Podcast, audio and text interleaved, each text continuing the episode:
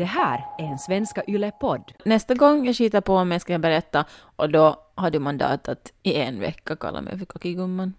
Vittu mitä säätöä. I nöd och lust och Formel 1.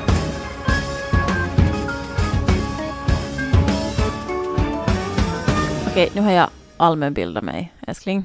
Nu har jag tittat på Supercells reklam från Super Bowl 2015 där Liam Neeson är med och uh, spelar Clash of Clans. Så nu vet du äntligen du vad nöjd Clash- nu? Jag är nöjd nu. Nu har jag typ vetat vad det är, men jag har aldrig spelat det. Jag, jag är säkert den sådär minst spelinsatta människan i världen. Senast jag spelade var när jag spelade Crash Bandicoot på Playstation 2001. Ja, men det är oavsett så måste du veta vad Clash of Clans är. Om du är finländare måste du veta vad Clash of Clans är. Eller, äh, eller bakgrunden till det här, vi tog duellen, spoiler alert, om du inte har tagit duellen i HBL och tänker ta den, så sätt på paus nu.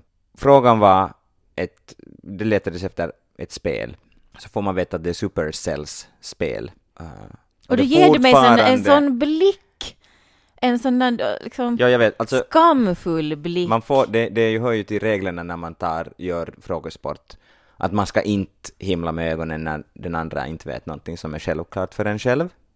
Du skulle ju ha många tillfällen varje vecka att göra detsamma åt mig, och jag har tillfälle att göra det åt dig, och man får inte göra det.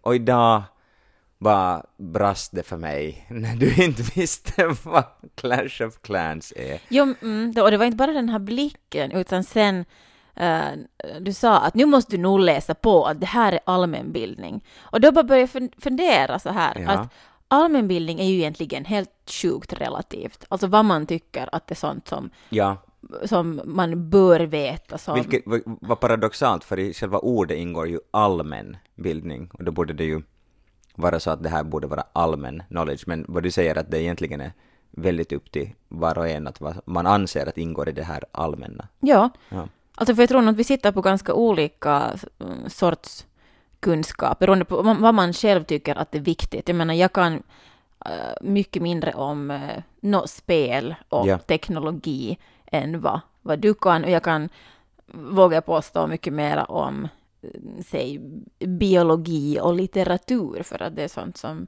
jag är intresserad av. Och då, om du inte vet vad en mitokondrie är, så skulle jag också kunna vara sådär, bitch please. En mitokondrie har någonting med cellen att göra, så mycket vet jag. En mitokondrie innehåller DNA. Cellkärnan innehåller DNA. Alltså det finns en massa mitokondrier, det har att göra med, med cellandningen och, och cellens energiomsättning. Mm. I alla fall, så det här... Det här Tillbaks all, till allmänbildningen. ja, att det ändå är jättesubjektivt. Jag lyssnade på en intervju, ett, radioprogram där Robin Stjernberg var med. Vet du han som, han vann, vet du vem Robin Stjernberg är? Jo, är det han som var Melodifestival, Ja, äh, med den här, han den lite stackig pojken som var lite så här blyg med, han kom, Ja, inte vet jag om han if var så I could, stark. någonting. Nej, nej, han var där It's all because of och sen kommer det You supersvåra låten. You heter den. Okej. Ja, i alla fall. Att Det här är också en stolt tradition, vi måste googla det här nu och så ska jag sjunga det. Va- Vad, vad ska jag, Stjernberg? Robin Stjernberg. Okej, så- Okej, så nu har vi lyssnat på Robin Stjernbergs You. It's all because of you! Det var, det var jättebra försök, älskling. Eller alltså, bra utfört. Tack. Um, Han har alla världens autotunes, som jag Ja. säger vi. Poängen här, vi pratade om allmänbildning och så lyssnade jag på radio och Robin Stjernberg var där och han pratade bland annat tillsammans med, han pratade med Sarah Dawn Finer och de snackade om ett nytt program om musikaler som ska komma på SVT snart. Och, och så kom det fram, så började de prata om Hamilton-musikalen, Mm. eh, stor Broadway-musikal just nu. Och sen så frågar, frågar Robin då att Hamilton, det har jag aldrig hört om. Så hör man en liten tystnad i studion och då vet jag, då vet jag, jag känner att Sarah Dawn Finer och programledarna är sådär fucking Robin Stjernberg, du jobbar med musik, du kan inte säga här nu i public service radio att du inte känner till musikalen Hamilton. Ja. Men inte, de skammar honom inte alls utan berättar lite om plotten och det är jättestor just nu och fått uppmärksamhet för att det är nästan eh, helt eh, non-white cast och um, Lin-Manuel Miranda som har skrivit den är jättepopulär och han har också Ja. gjort Moana som är en Disney-film. De liksom berättar storyn om musikalen. Man hör liksom nog att han lite är sådär fuck jag borde ha vetat det här. Ja. Men så, bara sådär om hur man kan outa sig om saker som man då inte vet som, men som allmänheten tycker att man borde veta. Men är inte det där skräcken för alla som någonsin sätter sig just bakom en mikrofon och sådär Det är ju en sak att du inte vet vad Clash of Clans är i köksbordet med mig och nu väljer att frivilligt ta upp det. Jag, hade ju Äh, hört om det, men det, jag fick väldigt låga poäng då. Ja, men, men alltså att offentligt just bli sådär blottad. Mm. För det är ju just nimenomaan som du säger, så att blotta luckor Mm. i ens allmänbildning, så det är ju, det är ju hemskt. Och, men vet du, alltså, jag kommer tänka på det när vi pratade, när vi gjorde duellen idag. Att horror, alltså både du och jag har ju gjort duellen i HBL. Ja. Uh, Och, och alltså jag vet inte vad du skulle säga, men att jag, jag personligen kände ju just det där att fuck om det kommer någonting nu som man så att säga borde Mm. veta. Och jag, jag föll ju ut då, jag klarade inte mig ens en enda vecka. nu inte gjorde jag heller. Det var Tiernapojat som var det här ena. Det var ju visst vid julen, jag hade frågan om, en fråga om Tiernapojat. Som är någon jävla körsång på finska. som- Finns finsk tradition. Ja. Mm. hade jag ingen aning om. Men då kände jag ändå att liksom att det, det där var okej. Jo, jo, eftersom allmänbildning är subjektivt, så Mm. fast du skulle tagit noll poäng på Tiernapojat så uh, kände du att det var helt okej. Men jag skulle bara säga det här tidigare, att vilken mardröm det skulle vara. Det här skulle vi aldrig gå med på om någon ens föreslår att man sk- vi skulle göra duellen mot varandra. Alltså den riktiga duellen. Att vadå, att det är du och jag mot varandra en vecka? Ja, Vadå, det skulle vara så coolt. det, skulle, det skulle bli så, så dålig stämning. Ja, just det ja, för att du är en dålig förlorare.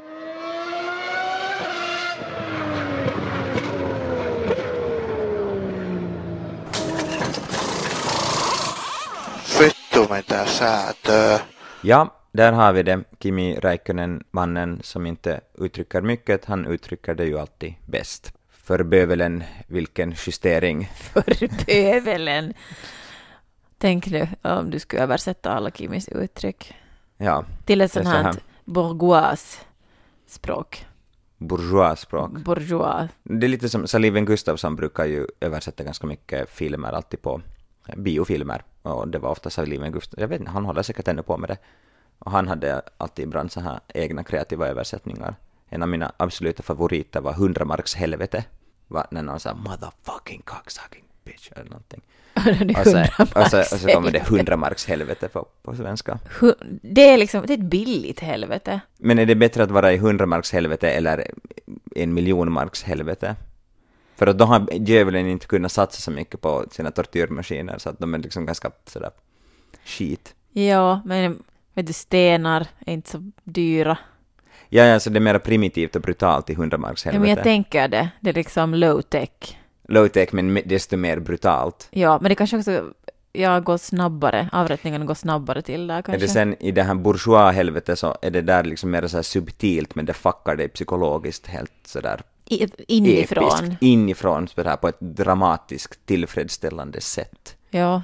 Jag föredrar bourgeois-helvete tror jag. Nej, jag föredrar det hundramarks. Det känns hederligare. Agree to disagree. Anyways, nu ska vi inte tala om hundramarkshelvete. Ja, Kimpa har svurit på TV. Kimpa har svurit på TV, det är, ju, det är ju roligt. Det där citatet hände här i fredags när Ferrari, när de torra med att få ut bilarna i sista sekunden av när de skulle öva fria övningen. Hur som helst så beskriver Kimis fina ord också hur det gick i dagens Formel 1-tävling i Sochi. Var det mycket Sätö? Det var Sätö, det var framförallt en episk uh, fittmark, vad heter det? Fittmark? Vad säger du? Träskmarks justering. Alltså jag försöker, jag försöker hitta omskrivningar för, för fitta. Varför vill du prata om fitta? För att han sa vittu.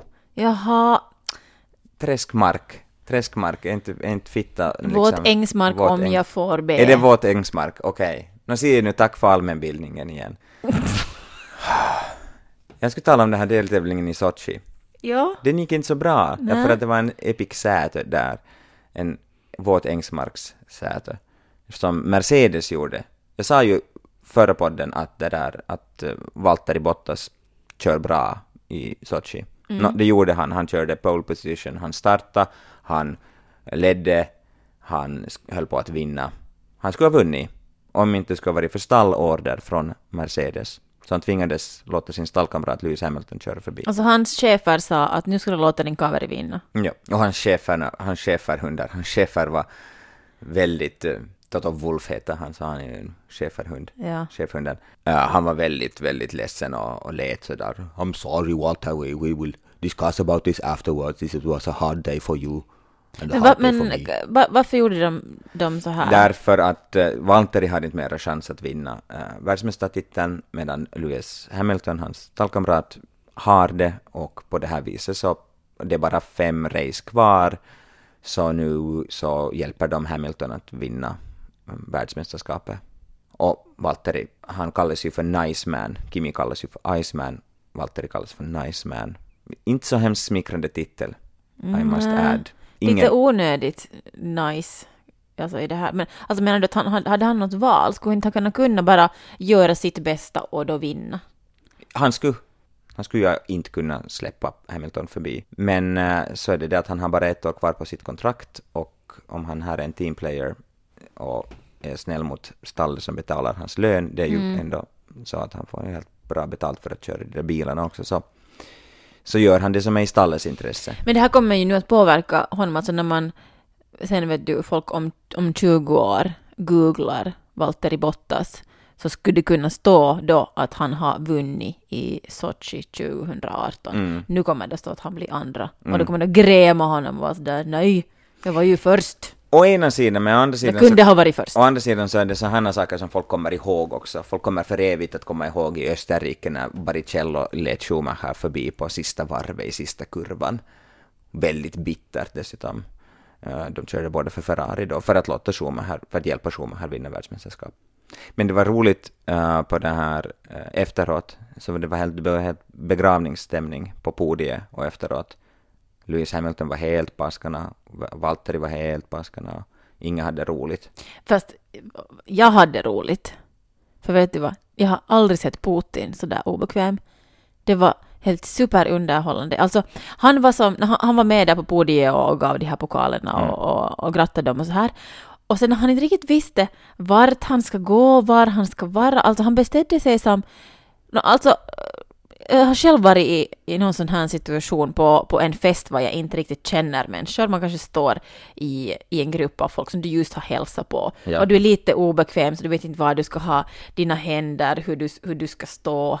Eh, Det, du känner dig ganska, du beter dig onaturligt. Och så här såg det ut när, när Putin eh, stod där och kollade när de fick sina champagneflaskor och annat. Mm. Men jag blir alltid nervös när sådana som Putin eller Trump eller så eh, blir eh, förödmjukade. För att sådana egomänniskor, sen när de blir förödmjukade, så de...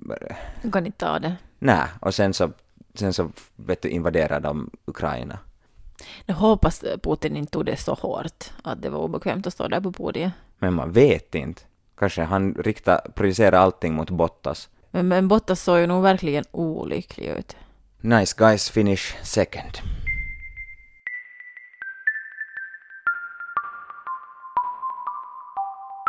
Okej, jag vill, vill nu ännu så här officiellt uh, pitcha den här grejen åt dig som jag tog upp uh, under frukosten, som du blev jättepinsam över. Sitt gör den där minen igen. Jag tycker nu definitivt att du ska skapa en grupp för kulturmän som tycker om Formel 1. Du är bevisligen inte ensam. Idag så har vi, har vi läst, eh, läst Henrik Jansson, författare, skriver, skriver en kolumn om sin eh, relation till motorsport i HBL. Mm. Och no, jag har ju till nu för tiden, eh, så, for, så fort jag läser någonting li, lite annorlunda som har med, med formula att göra. Du säger ju ofta att, att eh, folk, liksom vår, vår bubbla, vår umgängeskrets, ser ner, ser ner på Formel 1 och pratar jätteskit om det och att det känns, man får göra det för att det, Mm. det är så här, nej men billig, billig underhållning. Så nu börjar det komma fram mer och mer sådana kulturpersoner som älskar Formula. Hur, är det inte- kiva? Ska inte ni starta en klubb? Så du menar att jag är föregångaren när vi talar om det här med Pride, eh, att gå ut så att om man går ut ur skåpet och, och visar det så då vågar andra gå, göra det? Jag tänker det. Mm. Eh, Alltså jag skulle inte klara av eh, den klubben och bara hur det skulle se ut och vad skulle vi ens tala om?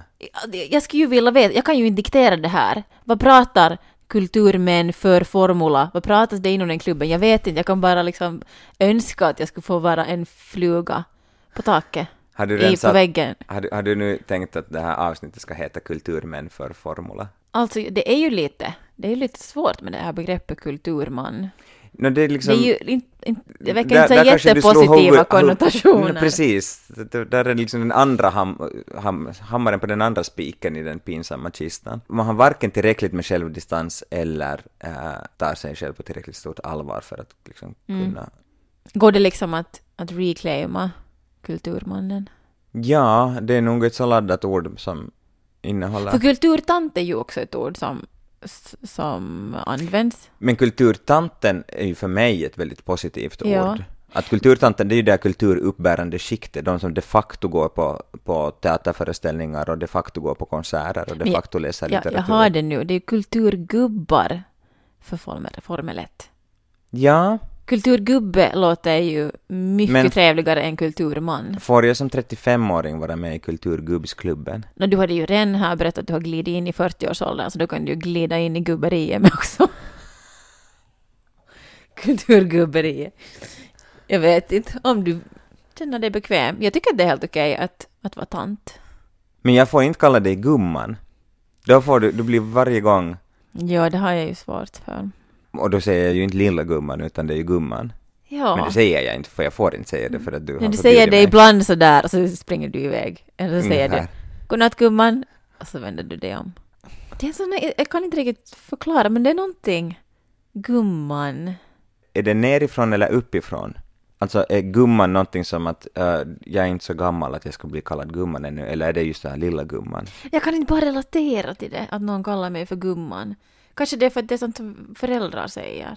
Att, jag, jag tror att jag säger gumman och gubben till djur. Ja, men du kallar mig en massa djur också. Ja, sant.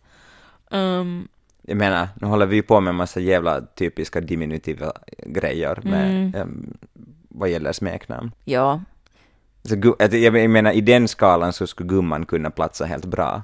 Du menar att om jag, jag kallar dig för pruppikatt så, så kan du kalla mig för gumman? Ja. Jag menar att det är nog helt in, i- in the ballpark där. Mm. Men får jag kalla dig för pruppigumman? Nej, det får du inte! Kackigumman? Hellre kackig gumman. Nästa gång jag skiter på mig så efter, sen får du kalla mig för kackig gumman. Lovar du att du säger att mig när du har skitit på dig också? Ja, om du faktiskt vill. Så det är inte så att jag måste gå och inspektera det, att okej nu tar vi kaki-check här i fallet. Nej. då. Men Nej. alltså, det händer ju nog att man skiter på sig i vuxen ålder. Jag tror att, Här är podden där vi talar om allt. men jag tror att, att man har, man har liksom en kvot på hur många gånger man får skita på sig. Nu menar jag inte vuxen ålder, sen liksom när ringmuskeln börjar släppa sådär på riktigt och då måste du använda blöja, Mm. utan jag säger mellan från 13 till så här, 65. Ja, hur, många, hur många är det? Hur många, gånger, hur många, hur många kacka ner dig har du under från 13 till 65? Det är ganska många år. Jag skulle säga att du har fyra. Och här räknas nu inte... om du- Fyra! Här räknas inte om du är sjuk. Har du använt din kvot Nå redan? vitsi! du kan... Men det är nu inte så ofta man skiter ner sig. Men fyra är nu ändå ganska... No, det är ju helt- alltså, släpper en fjärt som är, som är blötare än man hade tänkt. Det där är bara någonting av det äckligaste. En blöt fis. Ja, Men menar du att det händer så ofta? nu, nu händer det så ofta att inte klarar jag med mig fyra stycken free cards från mellan 13 och 65. Jag är nog mera, www.johanna.dikert.yle.fi Hur många tycker du? vadå www? www. Ta en hemsida. Nej, Du, du menar att du vill- att folk ska mejla? jag vill att folk ska mejla och berätta hur många, hur, hur stor kvot just du anser att man har mellan 13 och 65. Ja, så om ni vill skicka feedback å- åt oss på vårt kiss och bajsprat så, så går det ju kanske enklast att göra via Instagram, skicka ett privat meddelande där. Men uh, helst inte några bilder på hur ni har bajsat ner er. Nu gräver jag min egen grop, jag kommer så få kackabilder. Men eh, Rip my inbox, som de säger. Mm. Alltså jag är nog mer benägen att kissa ner mig. Måste jag säga. Alltså sådär ibland så skrattar jag ju så att jag kissar på mig. Och det händer så här relativt ofta. Ja. Okej, men jag lovar att nästa gång jag skiter på mig ska jag berätta. Och då har du mandat att i en vecka kalla mig för kockigumman. Aj, en vecka kom här nu. Ja, inte nu då, det är inte for life. Igår när vi var ute och promenera så sa du apropå våra nya försäkringar att det skulle vara lönsamt för mig att ta livet av dig. Det sa jag. Och sen sa jag att nå, men nu skulle det vara lönsamt för dig också att ta livet av mig. Och där, eh, där höll du inte med. Nej, men jag är värd mera pengar än du, just nu. Det är nog sant. Och det har ju inte att göra med... Med människovärde kan vi ju... Nej, det har inte att göra med människovärde. Det har nog att göra med, med, med, med hur, hur, man nu har råkat få ärva lite här i världen. Mm. Så skulle det ju löna sig, för det, i och med att vi är gifta nu så skulle du ju få ärva mig. Om du gör det så, jag vet inte, kvävning med dyna är väl en sån klassiker. Älskling, vi behöver inte gå dit. Jag vill egentligen, jag vill egentligen bara ha en öppning till att, eh, till att prata om pengar. För eh, nu när vi har, när vi har eh, bostadslån Mm. så no, folk, folk vet ju att vi har satt en massa pengar på, um, på den här bostaden, eh, vårt hem. Och det är intressant att eh, jag har aldrig köpt någonting så här dyrt. Jag har aldrig tagit så här mycket lån tidigare. Hur folk förhåller sig till hur man kan prata eller inte kan prata och vad man kan ställa för frågor om pengar och lån.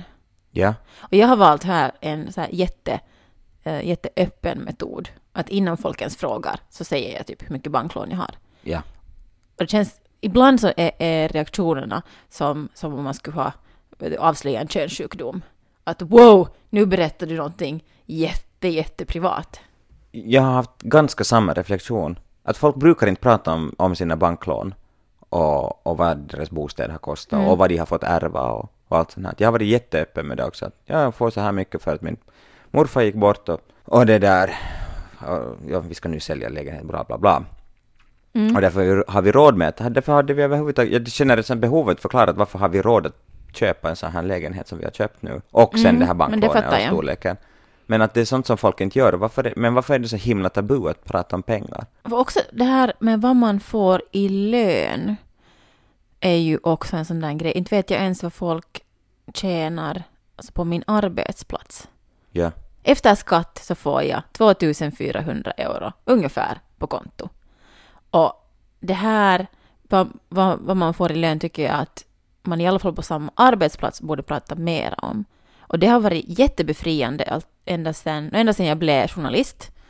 Så, så har jag med en, en grupp kompisar, vi har pratat jättemycket om vad vi har bett om för löner, vad vi får för lön, alltså fast vi har jobbat på olika, olika ställen och olika redaktioner. Mm. Um, gjort som fri, frilansuppdrag och så här. Att det har varit jätteskönt att ha, ha en öppenhet, för om du inte vet vad någon annan tjänar eller, eller får så vet du kanske inte vad du ska, vad du ska be om, Ja. vad du borde bli erbjuden. Kan inte egentligen, alltså jag någonstans förstår att det är känsligt, samtidigt så tror jag att allting blir bara bättre om vi är så öppna vi bara kan med pengar. Ja, men det kan, vara, det kan ju vara paradoxalt och det kan växa, väcka den där avundsjukan. Ja, på min arbetsplats på, Teater Virus, där vet vi alla vad vi alla får, för vi har väldigt öppet och vi bestämmer själva våra löner och vi har diskuterat en del om vad som är sen rättvist och ansvar och ansvar ger, borde ge mer pengar och sen Ja, ni har pratat- saker. alltså, vi har om pratat här i om gruppen. öppet, öppet i Mm. gruppen och, och vi, vi har bestämt våra egna löner inom, inom teatern. De är fortfarande, tycker vi, för låga, men liksom det är sen en annan sak att man höjer sen när man anser att teatern har råd med det. Men sen när jag var, har varit frilans, mm, speciellt i en sån teaterproduktion där du jobbar flera kvällar, där du jobbar längre. Det är ju en sak om du gör en filmningsgrej och så är du där någon, en tid och så aha, du får mer än jag, okej. Men om du spelar... Men är det då öppet, vet du då att Nej, andra, andra skådisar får mer än du? Inte vet jag. Nej. Nej, man, inte snackar man det per definition vad, vad de andra får. Man, Också intressant för man måste ju vara jättenyfiken. nu är man ju. Nu är man Men ju. varför pratar ni inte om det? Varför är det sånt som man inte, inte snackar? Är det för att Ja, man men det- vill inte höra att man har fått mindre? No, precis, det är just det där att om, om, om, du får, om jag får mera, så då blir jag, då får jag här, känna kanske skam och att jag borde prestera bättre för att jag får mera än min Ja. medspelare. Och om jag får mindre så då blir det just så här, jaha, okej, vi är här, vi gör samma jobb här kväll efter kväll på teaterscenen, men eh, du får 50 euro mera per kväll, check. Men- och då, och då är det kanske bättre att inte veta. För att äh, bara att Ja, men man i, i räddar det den långa soci- loppet så Alltså är det jag ju menar, håller helt med, men att man räddar den social, sociala situationen mellan varandra just där och då. Men, där och då. men just förändring kan ju ske i, i att man har en öppenhet om det där.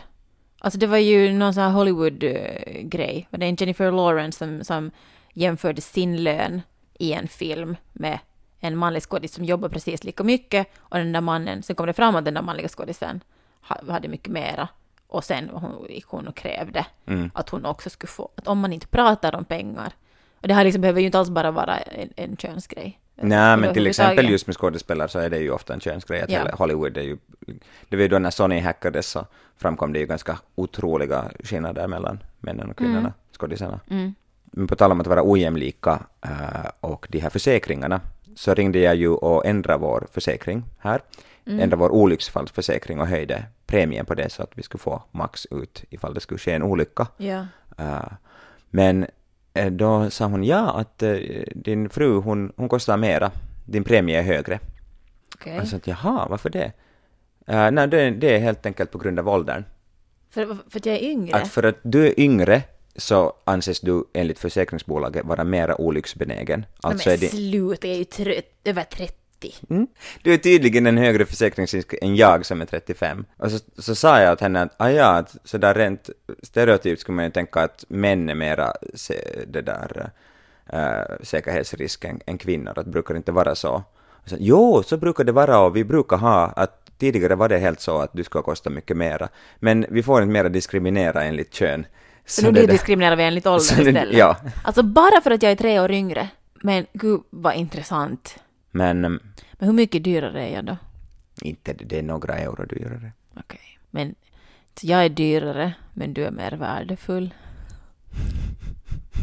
Det är liksom kontentan av Ja men om vi dör, om vi dör, om du eller jag dör av en olycka så får vi båda, så får den över, eller får dödsboet då lika mycket.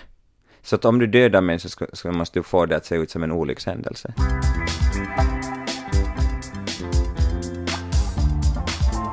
Tack och förlåt för eh, dagens väldigt kroppsliga avsnitt. Vi heter Oskar och Joppe om du vill, eh, om du vill delta i vår undersökning om hur ofta vuxna människor kaki på sig. Så Har rätt, alltså, nu talar vi om mängden frikort, fri, mängden frikort. frikakikort, kak- Frikakikort. kakifrikort, ja. Ehm, så då, så då hittar, hittar ni mig till exempel på, på Instagram, på Joppe Dikert. Där kan, man, där kan man berätta. Eller om ni har några andra tankar eh, om, om podden så får man höra av sig där också. Musiken är gjord av Matti Raita. Och du är en kakigumma. Nu insinuerar du ju att jag precis skulle ha skitit på mig medan vi har spelat in den här podden och det här har inte hänt. Nej, jag bara testade hur det kändes att säga.